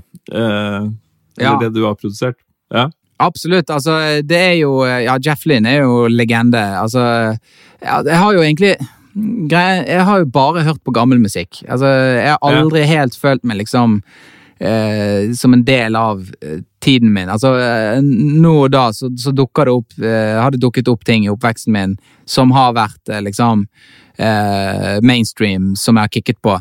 Men eh, sikkert 90% av musikken jeg har hørt på, er liksom 60-, 70-, 50-tallet. Og jeg har hørt veldig mye på klassisk musikk og, og jazz. Eh, så jeg har på en måte aldri liksom følt meg helt connected med estetikken i tiden min. Men eh, det er jo mange kule ting som skjer, som har skjedd, liksom, i samtiden. Sånn innenfor elektronisk musikk og, og hiphop og Mm. eh, Og på en måte de type sjangrene der. Og så har jeg på en måte fuset det med med alle de idealene som henger igjen fra liksom 60-tallet og, og 70-tallet. Sånn som for eksempel kicken min, for eksempel. Jeg, har liksom, jeg er veldig opptatt av liksom basstrommelyden. Og jeg tror alle basstrommelydene mine er liksom Jeg prøver alltid å emulere liksom den 70-tallskicken som er litt sånn eh, Og litt sånn fast, på en måte. Eh, Det, det er veldig mye sånne lydidealer eh, fra liksom den musikken som er eh, gammel. Men, som, Ja. men så finnes det mye kult i, i tiden nå òg. Men altså, det er mest den gamle musikken, så det er jo ikke feil når du hører liksom Jeff Lynne i produksjonen, eller Burt Bacharach. Altså, det er jo de jeg har prøvd å eh, imitere og på en måte dra inn i min egen tid. Ja, det syns jeg du lykkes i. Det er jo Det høres jo Det er som du sier også, det er jo, det er jo synter, og det er jo ting som, som åpenbart Det er jo ikke helt retro. Eh, Du, du skjønner jo at det, det her skjer nå, Mm. men det er veldig Ja, det var, det var en venn av meg som sa, sa at det hørtes ut som altså, musikken jeg gjør, eller altså, enten Young Dreams eller liksom produksjoner jeg gjør. eh, Det høres ut som jeg har eh, Hva var det? At jeg hadde Hvis dette på en måte ble gitt ut på 70-tallet, så er det som at jeg hadde dratt fram i tid og tatt med meg liksom alt av på en måte lyder og arrangementer og produksjoner og sånt. Alle de inntrykkene, da. Og tatt Ja. med meg det tilbake til 70-tallet, og så Ja. lagd liksom noe superfuturistisk, på en måte. Så det er jo litt sånn eh, retrofuturistisk sound, på en måte, da. Ja. Det er et kult bilde, det. Tenk om man kunne gjøre det. Ja, men man kan jo, man kan jo på en måte det. Eller man kan iallfall dra tilbake. Ja, man kan alltid dra tilbake. det er bra.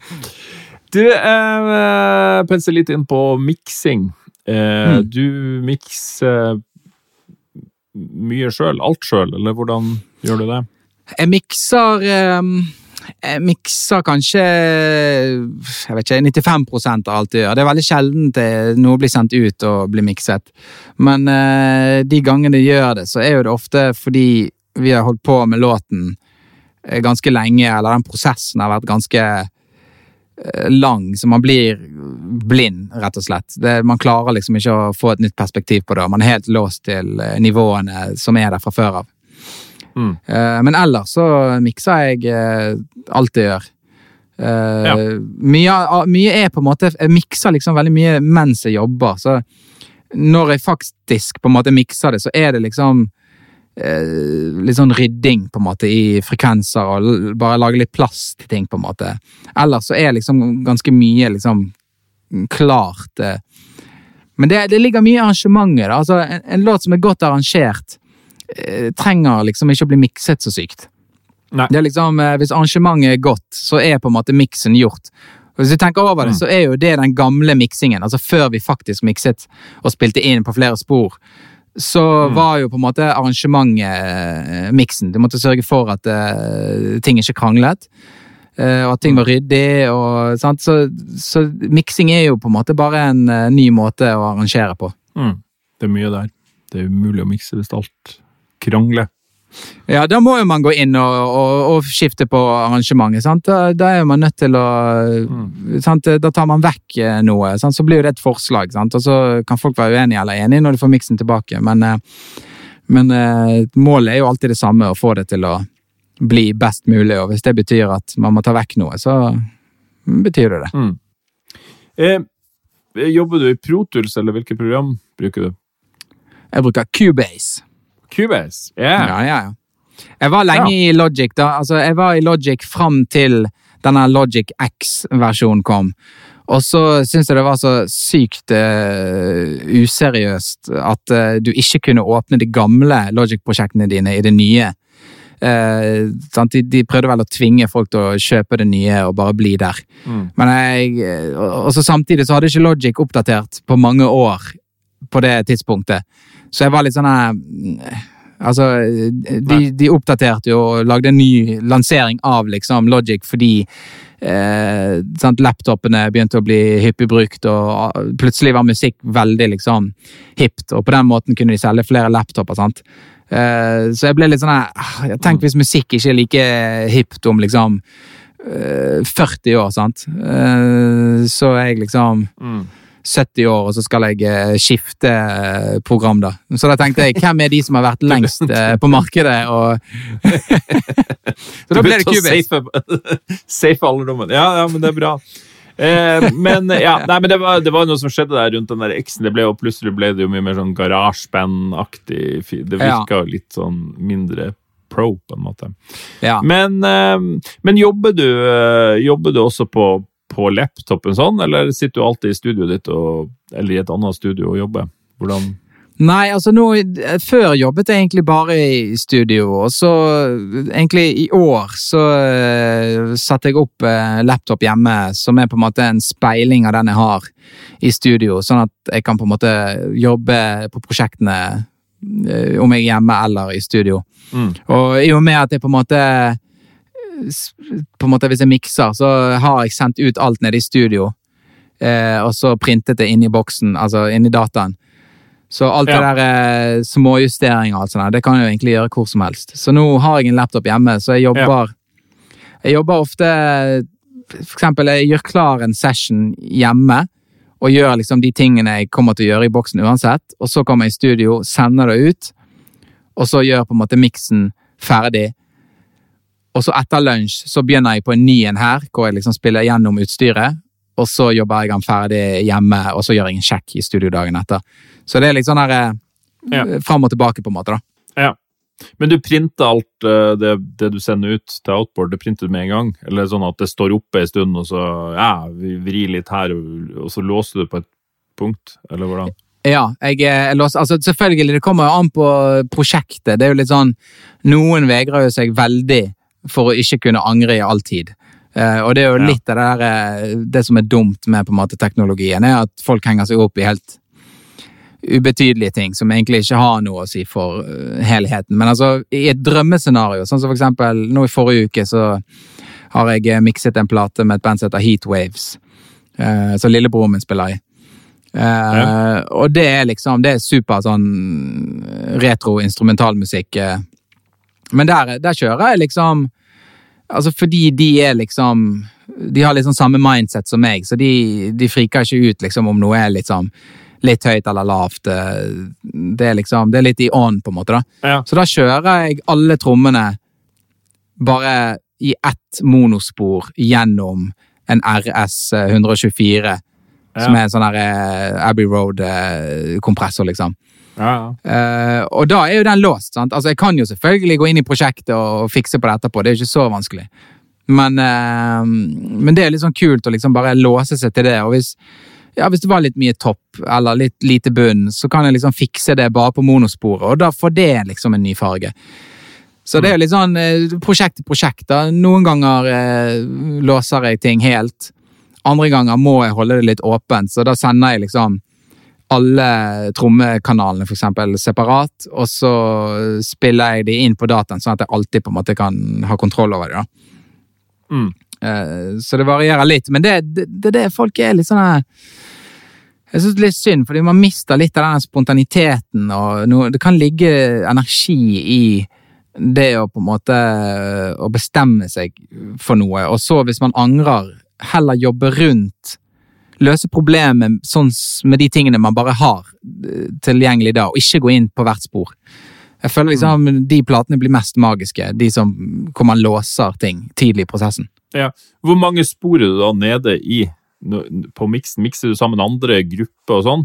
Altså Er det på en måte stems nærmest da til slutt, eller? Ja, jeg ender jo på en måte Altså, jeg har uh, mikserne mine på 16 spor, sant? og så sender jeg ut de tingene som jeg føler trenger liksom karakter og farge. Uh, så det er jo ofte liksom trommesettet. Og så uh, kanskje noen gitarer, synt, eh, vokal. Og så kjører jeg bare resten i boksen, så jeg monitorerer de via liksom to striper på mikseren. Så det kan være liksom perk og, og eh, liksom hvis det er liksom mye store pålegg sånn Altså mm, 16 spor med strykere som bare blir til på en måte et stereospor. Mm. Um, så, så det som blir låst, det er jo på en måte det som jeg sender ut på mikseren. Og det er jo litt sånn en blanding der, da, fordi jeg sender ikke alt ut. Så på den måten har jeg på en måte kontroll over eh, mye av prosjektet, men samtidig har jeg låst meg til en del ting. Men det er ikke Mm. mareritt å måtte gå tilbake, på en måte, hvis Nei. det er noe som skal fikses. Så jeg prøver å holde det litt sånn Ja, det er kompromiss. Du, du har veldig, veldig mye feit outboard. Hvor viktig er det for deg? Kunne du jobba uten? Ja, altså det er jo, eh, det er jo litt sånn der eh, luksusting, på en måte, da, men eh, først og fremst for meg er det mm, liksom en workflow. Sant? Det har litt med det der at du låser deg til ting, og så eh, er det faktisk det å bare liksom skifte stilling. Altså, du reiser deg, Ja. du, du, du, du går ned på huk, du liksom Du drar inn og ut kabler. Du skrur på ting med, med hendene. Altså forskjellige bevegelser. Eh, Det er liksom, Hvis du tenker over det, så er jo det der ekstremt monotont at du skal skru på alt med samme bevegelse. Sant? Du Mm. har én mus, én pil, og så har du, bruker du samme finger. Altså, det er noe litt sånn statisk ved det. Og jeg, jeg er livredd for statisk. Sant? Altså, alt som er statisk, det Det er jo ingenting som er nice som er statisk. Altså, Nei. naturen er jo eh, ikke statisk i det hele tatt. Livet vårt er er ikke det. Musikk er ikke det. Altså, alt har dynamikk og bevegelse. Sant? Så, så det å bevege seg og reise seg og skru på ting er for meg liksom en, eh, liksom, det er bra for hjernen min. da. Eh, Jeg tror jeg klarer å holde fokuset eh, mye lenger hvis jeg varierer på en måte bevegelsene mine. Mm. Så det er, veld, det er veldig mye på grunn av det. Så, altså, lydmessig, når alt kommer til alt, sant? summen av alt, så er jo ikke så stor forskjell. Det er jo ikke det. Altså, I en blindtest så hadde ikke jeg klart å høre hvis noen hadde sagt nå har vi mikset denne låten her eh, på outboard, og denne her har vi gjort eh, det samme bare inn i boksen. Altså, jeg hadde sannsynligvis ikke klart å høre forskjell. Så det er ikke på død og liv nødvendig. Men det er noen ting, sånn som for eksempel denne DBX-en, denne 165, altså det finnes en plug-in av den, og den, den vrengen der er jo ikke liksom helt lik, sant? Og Nei. de Niv-preampene inni boksen vrenger ikke helt på samme måten som de to jeg har her. Eh, Så det er jo klart at eh, det Nei. er forskjell, men gjør det noe for musikken? Eh, Negativt? Egentlig ikke. Altså, det blir jo bare litt annerledes, men Mm. det er jo litt sånn som hvis tamburin er to dB for høy eller ikke, på en måte. Det er jo ikke så stor forskjell, men det, det litt. bryr- det, det høres ut som du bryr deg så veldig mye om det, om den tamburinen er 2 dB for høy i takt 74. Altså, det er, sånn kan den også være, hvis jeg tolker det rett, eller? Jo, jo, altså, jeg, jeg er det, men jeg velger å tro at jeg er det på de riktige tingene. Altså Ja. at jeg ikke er det på liksom de overfladiske tingene. Så jeg Litt sånn her eh, skjønnhetsfeil. Jeg er ikke så veldig på en måte eh, obsessed på. Nei. Men jeg er ekstremt obsessed på liksom eh, estetikken. Altså at liksom den estetiske temperaturen og arrangementene er liksom eh, At de går opp, på en måte. Eh, emosjonelt. Mm. Men eh, om noe er liksom og det gjelder jo også litt sånne, sånn, eh, for eksempel sånn som eh, Vi har jo masse sånne AI-plugins nå, sånn, som på en måte kan navigere deg inn i liksom hva som er innenfor og ikke innenfor. Sant? Og det er jo liksom både en curse og en, en fordel, på en måte. da. Mm. Sånn som for eksempel, du har Ozone som analyserer eh, eh, mixbussen din, for eksempel. Sant? Og så Ja. eh, kommer han med forslag om at eh, ja, du skal ta ned eh, eh, Du skal kutte liksom mellom eh, 100 og 200 eh, 1,5 dB, liksom. Og så er det sånn eh, Nei, jeg er ikke enig i det, fordi det er jo det som gjør på en måte låten at den er litt tung i mellomtonen, sant? Mm. Så det er jo litt sånn Jeg er mer opptatt av på en måte den eh, at ting er perfekt i den på den emosjonelle opplevelsen enn den på en måte symmetriske På en måte hva som er riktig, da. Alle, alle hører jo hvis en tamburin er for høy, fordi det er litt irriterende, men samtidig så kan det være nettopp det som gjør at låten får den energien den trenger. More cowbell. Ja, sant? For eksempel. Det, av og til er det helt riktig. sant? Ja. Men det, det er også litt sånn kult da, med, med Jeg tenker på når du har all den outboarden. Jeg syns jo også at altså, plugins blir jo bedre og bedre, og, og noen ting Ja, ja. er skikkelig bra. Men, men det er én ting som ikke er så bra. Det, det er akkurat hvis du har en um, altså Sånn som du har den curve-benderen, så kan du Mm. gjøre sånne ekstreme ting.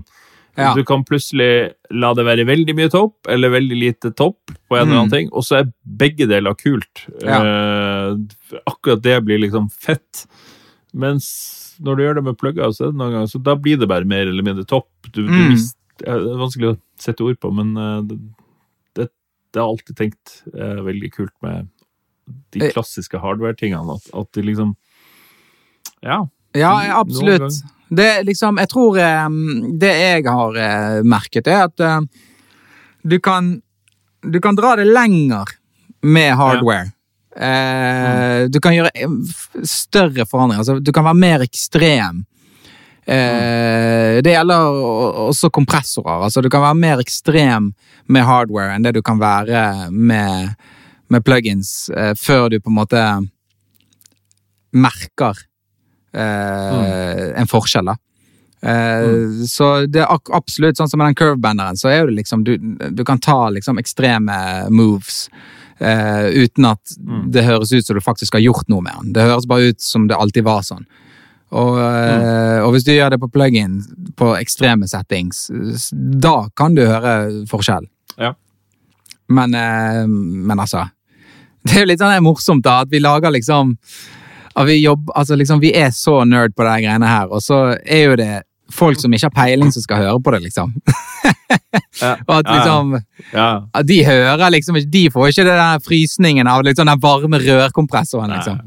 De spiller det på høyttaleren på iPhone og, og syns det er tipp topp. Ja, ja. Ja, nei, ja.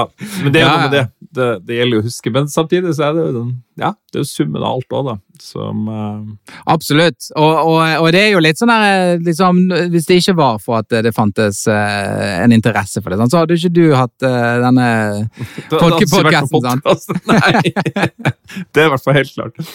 Ja, det er sant, det. Um, er, det noe, ja, noen favoritter, da, av alle det her deilige må, Hvis det er greit, så har jeg lyst til å legge ut noen bilder av de du sendte meg, for det, det, Ja, ja. Jo, det er jo kunst. Uh, noen favoritter du vil nevne?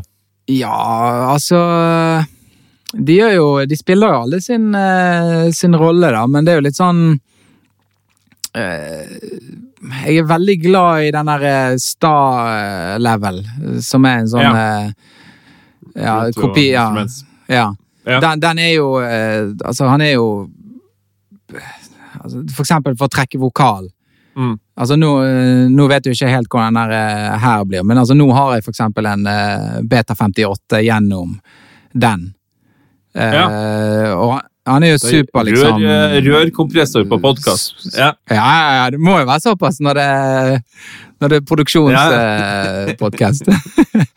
Nei, altså den, den er bare helt fantastisk på liksom eh, vokal og, um, og liksom Ja. og gi liksom Han kan gi litt sånn grit og presence, men han kan også være super eh, på en måte gjennomsiktig. Mm. Eh, altså jeg kan være oppi liksom eh, minus altså 20 dB med kompresjon, og så Ja. eh, merker du egentlig ikke. Litt sånn som på en måte den curvebenderen er i EQ, at Ja. du kan ekstreme settings uten at det virker som du har liksom gjort noe med det. Mm. Det, liksom, det har alltid bare vært sånn. Og så um, har jo jeg uh, har jo på en måte mixbus-kjeden min som på en måte alltid uh, er på alle miksene mine, og det er litt den API-kompressoren, den eh, 2500 Mm. stereobuss-kompressor. Eh, den gir bare sånn sinnssykt fin energi til ting. Ja. Uh, og litt sånn en liten sånn bump i mellomtonen som gjør at det blir litt sånn Ja, altså den blir litt mer sånn fokusert, da. Um, og så har jo jeg curvebenderen Varierer litt mellom curvebenderen og den der API 5500 EQ-en. Uh, Mm. Ut ifra liksom hva musikk det er, på en måte. Uh, den API-en er veldig god på sånn Han er litt sånn her, eh, litt eh, mer direkte, på en måte. Så han, eh, han er veldig god Ja. på elektronisk musikk, og, eh, og liksom eh, Kanskje noen litt sånn rocketing, hvis det trenger liksom den energien. Ja. Uh, Og så har jeg en sånn Manly Varimu eh, rørkompressor Ja. som jeg alltid har på en måte på slutten av skjeden, bare for liksom uh, gynge, på en måte Han bare gynger musikken litt sånn. Ja, det, det er nesten som å ha liksom en sånn sinnssykt steady hånd på liksom faderen, og så bare liksom Bare passer på at ting er liksom eh, på sporet, da. Mm. Nei, så det er jo, det er jo mye gøy gear, men altså det er jo sånn eh, det er jo de mest ekstreme tingene som ofte er de gøyeste òg. Sånn som for eksempel denne D-backsen. sant? Den vrengen der er dødsfet. Og, og preampene på Mm. mikseren bruker jeg ofte. Og det er liksom sånn her Å, hva kompressor brukte du der? Nei, det var ingen kompressor. Jeg brukte bare liksom eh, preampene. Og de, de komprimerer på en måte, og så eh, De oppfører seg litt sånn som den limiteren til D-backsen, da. Når de Mm. vrenger. Så liksom finne den sweet spoten liksom akkurat når du begynner å vrenge, og så bare bitte litt tilbake. Så det, gir en Mm. sånn her, nesten sånn kompresjon-feeling.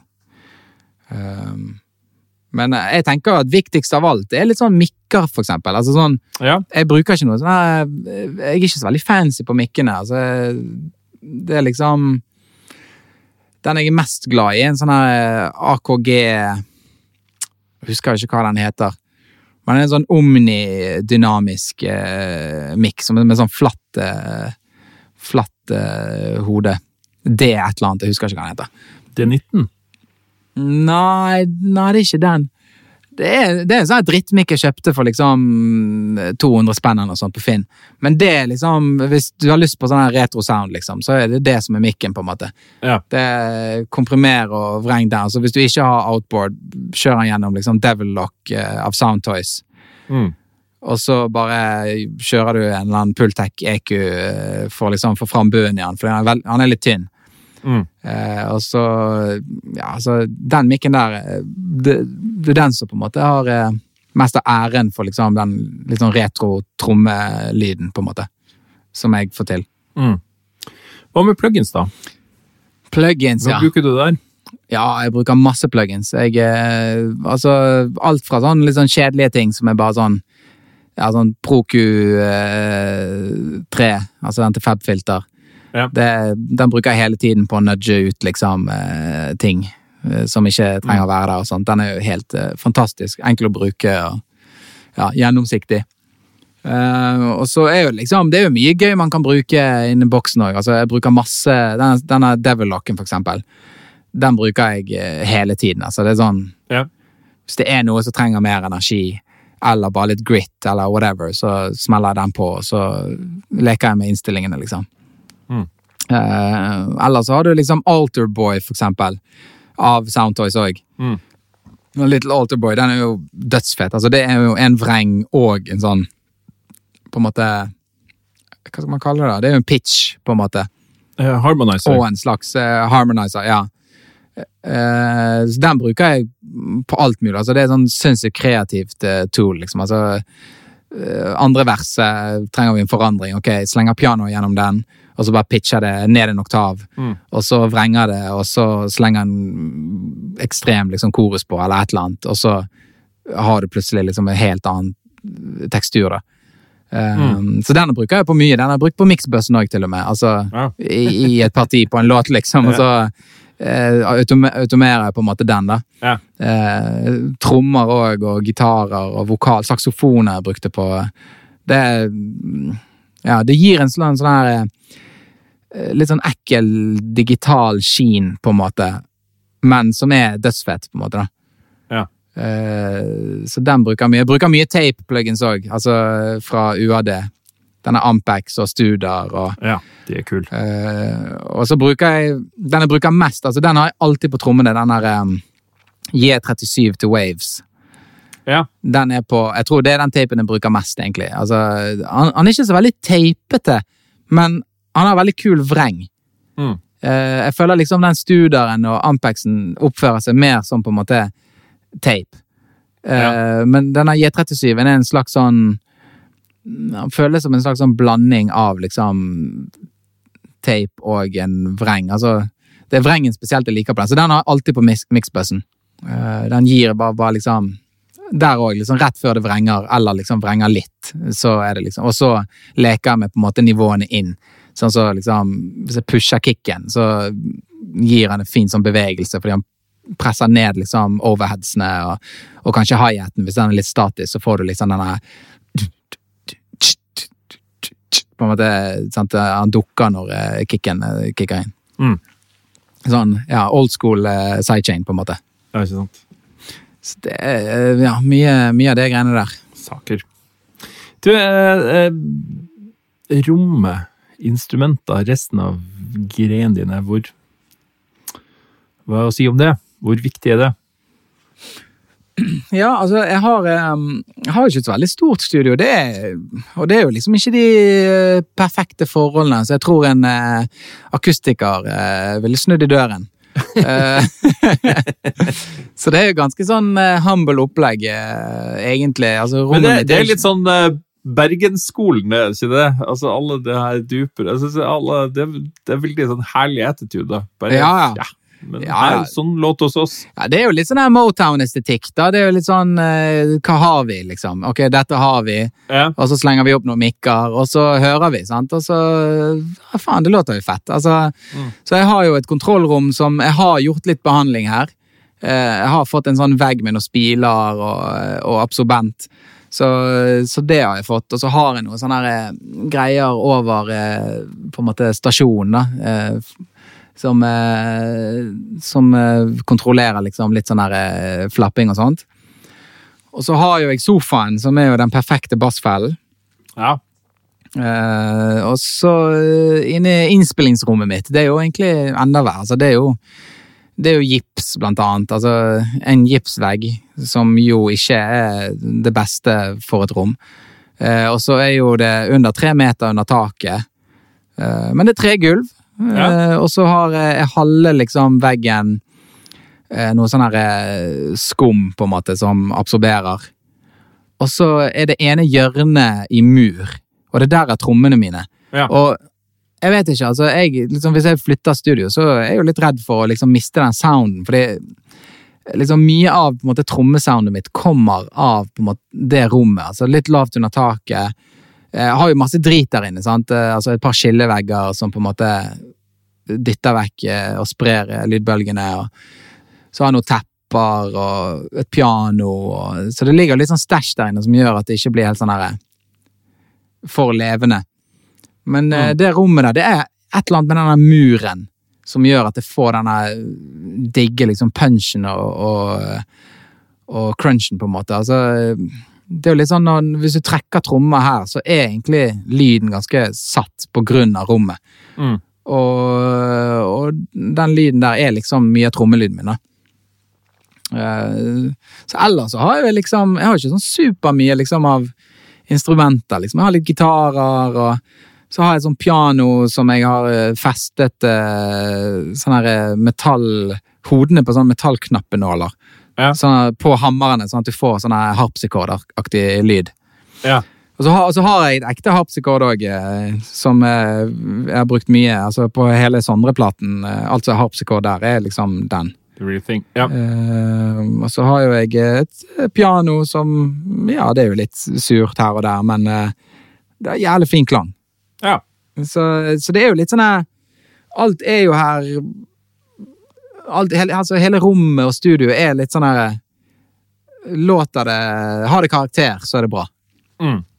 Og, eh, så det er jo på en måte summen av liksom, lyden i rommet og instrumentene.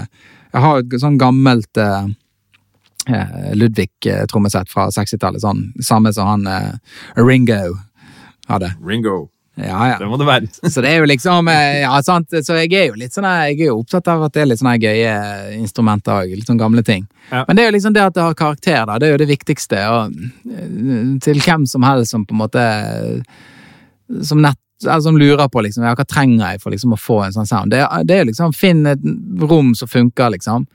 Mm. Og sett opp noen mikker, og så prøver du bare. Altså Mm. og, men så sørg for at kilden er nice. sant? Altså sånn Trommene. sant? Bruker litt tid på å stemme de fett. sant? Altså, Sånn at jeg slipper å gjøre noe, nesten. liksom. Jeg gjør jo litt EQ, selvfølgelig, på vei inn, og så gjør jeg litt inni òg, men sånn Det er ofte minimalt, fordi trommene låter fett fra før av. Mm. Og, og, så- og så er det spillingen, selvfølgelig. Altså det er jo de som skal ha mye av æren for at ting låter som de låter. sant? Det er jo, eh, det trommesettet låter jo annerledes for hver trommis som eh, spiller på det. Ja. Spiller du mye sjøl på produksjonene dine? Ja, altså der òg er det litt sånn Jeg spiller det som trengs. Eh, trenger du en bassist, så er jeg en ganske god bassist. Mm. Trenger du trommis? Jeg er ikke så god trommis, men jeg kan fake det. En, eh, en kombinasjon av spilling og klipping og klikk. Mm. Eh, så mm, jeg, Noen innspillinger spiller jeg alt på. Altså noen produksjoner. Mm. Og noen produksjoner spiller jeg eh, ingenting på. Nesten. Ja. Så jeg kan spille det meste, men eh, men òg liksom, eh, eh, hvis jeg har et instrument altså, som jeg aldri har spilt på før, så er jo det litt gøy òg. Man, man får jo alltid en eller annen Man får jo alltid til å spille det man har lyst til å spille, med mindre det er liksom en fiolin eller noe blåsere. Det er ikke så enkelt. Men liksom av strengeinstrumenter og sånn, så er jo det Du bare plukker det opp og lager noe lyd.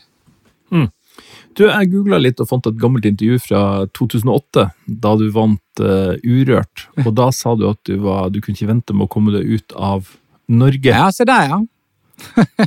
Ung, ung og ambisiøs. Eh, Med Girl in Red så er det jo på sett og vis Det skjer jo, men eh, hvilke tanker har du om det? Altså, har du Er det noe du jobber aktivt med? Er ambisjonene ut, eller, eller er det liksom kult i Norge? Ja, altså det, det, Dette er jo noen år siden, og det, sant, det er jo litt sånn På den tiden var jo det ikke så veldig vanlig sant, at eh, altså, hvordan internett har blitt. og Ja. altså Den tiden vi lever i nå, tillater jo oss å, å komme mer og mer ut. sant? Men uh, på den tiden så var jo det liksom et stort mål å komme seg ut av Norge. Egentlig mest fordi jeg var mer opptatt av det som skjedde musikalsk i utlandet. sant? Og, og det er større på en måte Norge er jo et lite land. Ja. Og eh, det er få folk som eh, dikterer eh, på en måte hva som er populært. Sant? Eh, vi har få aviser, vi har eh, få radiostasjoner. Altså, så Mm. det er liksom tastemakers. Det var ganske Ja, sant. Eh, og det er jo de, På den tiden så var jo det gjerne mer enn nå, men det er jo fortsatt sånn at man er i stor grad påvirket av på en måte det som kommer fra utlandet. Så man tar få sjanser. sant? Altså, det er ingen som hadde valgt å jeg, jeg, tror- jeg tror ikke noen hadde valgt å spille Billie Eilish først i Norge, på en måte. Nei. På liksom eh, mainstream radio. Skjønner du? Men eh, nå gjør jo det selvfølgelig fordi hun er en verdensstjerne. Så det er litt sånn her, eh, litt sånn sykdom man har i, i Norge, med at man liksom Man hele tiden skal liksom se på den andre. Mm. Og, og tar liksom ikke de her eh, frekke valgene som gjerne en DJ i USA ville gjort. sant? For lite karakter.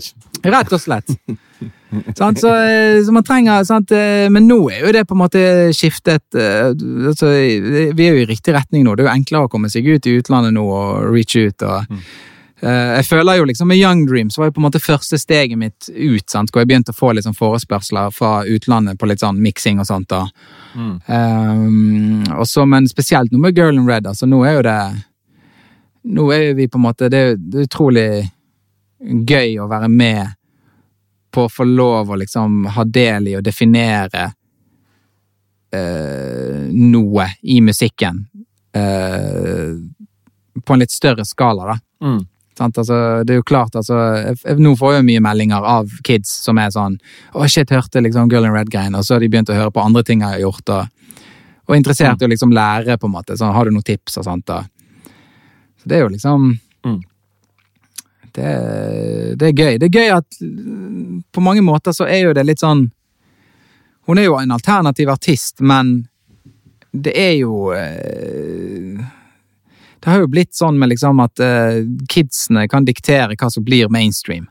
Ja. Fordi det er liksom ikke et stort apparat som bestemmer det lenger. sant? Altså, eh, Lytteren sjøl og målgruppen sjøl kan, kan på en måte definere hva som blir stort via TikTok og sosiale medier. Mm. Så på mange måter lever vi i en ganske sånn en, en ganske bra tid for kreativitet, fordi eh, kidsene har jo liksom ingen på en måte De syns noe er fett, og så er det fett. sant? Altså, Mm. Og så lager de en video på det, og så syns andre kids det var fett, og så lager de jo en video på det, og så blir det plutselig en stor hit. sant? Mm. Ja. Det, og det er, så, det er så dødsfett, fordi da ligger det i hendene på liksom de som faktisk skal høre på musikken, og ikke noen som driver og spekulerer på og jeg vet hva som er hipt, og jeg vet hva som kommer til å selge. Og klart, med nok penger så får du hva som helst til å selge. Mm. Men det er ikke på en måte tilfellet nå. altså Det ligger mer i hendene til lytteren. og det, Den direkte kontakten du har med lytteren nå, syns jeg er veldig fascinerende. Helt enig. Det er veldig kult. Eh, planer framover nå? Hva driver du med? Nei, jeg eh, holder på med det jeg alltid gjør. Mikser og prodder, mastrer litt og Ja, du masterer? Jo, Ja. ja, ja. ja. Så eh, jeg, jeg gjør litt av alt. eh, Jeg har signet en publishing deal som gjør at jeg ja, skal skrive skriver mer med folk. Ja. Så det er litt mer sånn låtskriving, ikke bare produksjon. Men ofte går jo det på en måte hånd i hånd. sant? Altså, Produserer det og er med og skriver låter. Mm. Så eh, har jeg fått meg et management i utlandet som Ja, de legger jo opp til alt mulig greier utover året og sånt. Så det, jo, det blir jo sikkert eh, litt mer reising nå når det åpner opp igjen og sånt. Og jobbe med hovedsakelig egentlig utenlandske eh, artister. ja. Spennende. Så ut i verden! Ut i verden, som du sa i 2008. Ja. Du, du har forresten veldig bra navn på bikkja di. Tono. ja. han ligger her, han. Han gjør det. Ja, han er alltid med, han. Tono, Tono Telles. Tono Telles. Det er nydelig. Du, er det noe mer? Er det noe vi ikke har snakka om? Nei, jeg tror vi har vært gjennom alt, egentlig. Jeg syns Ja. det har vært veldig fin, eh, fin prat. Ja, det syns jeg òg.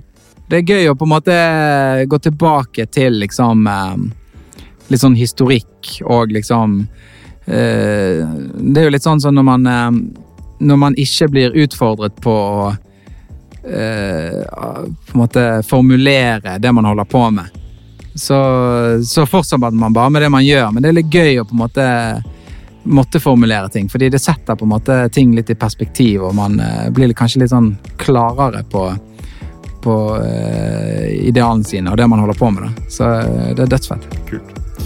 Det får være siste ord. Du, eh, tusen takk for praten. I like måte.